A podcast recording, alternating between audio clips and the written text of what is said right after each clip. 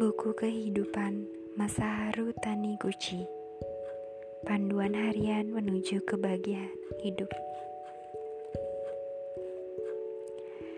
Dunia tercipta melalui pikiran hati.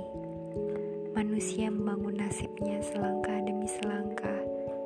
Melalui pemikirannya sendiri Nasib sebuah negara pun dibangun melalui pikiran orang-orang di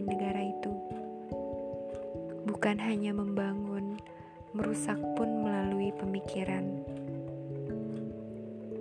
Terlepas dari sadar tidaknya orang akan kebaikan atau keburukan pemikirannya, pemikiran yang merusak akan merusak dirinya, dan sebaliknya, pikiran yang membangun akan membangun dirinya. Hal terpenting yang harus diketahui adalah bahwa dunia ini terbentuk melalui pikiran. Ketika menciptakan dunia ini pun, pertama-tama Tuhan memikirkannya di dalam hati akan menciptakan dunia yang bagaimana. Maka terciptalah dunia sesuai pikiran itu.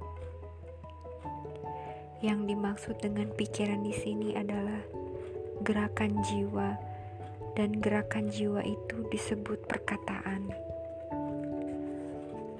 Apa pun yang kita pikirkan, kita akan mengingat kembali sebagai perkataan di dalam hati. Jadi, yang disebut bahwa dunia ini terbentuk melalui pikiran sama artinya dengan dunia ini terbentuk melalui perkataan di kitab suci tertulis bahwa ketika menciptakan dunia ini, Tuhan beristirahat pada hari ketujuh.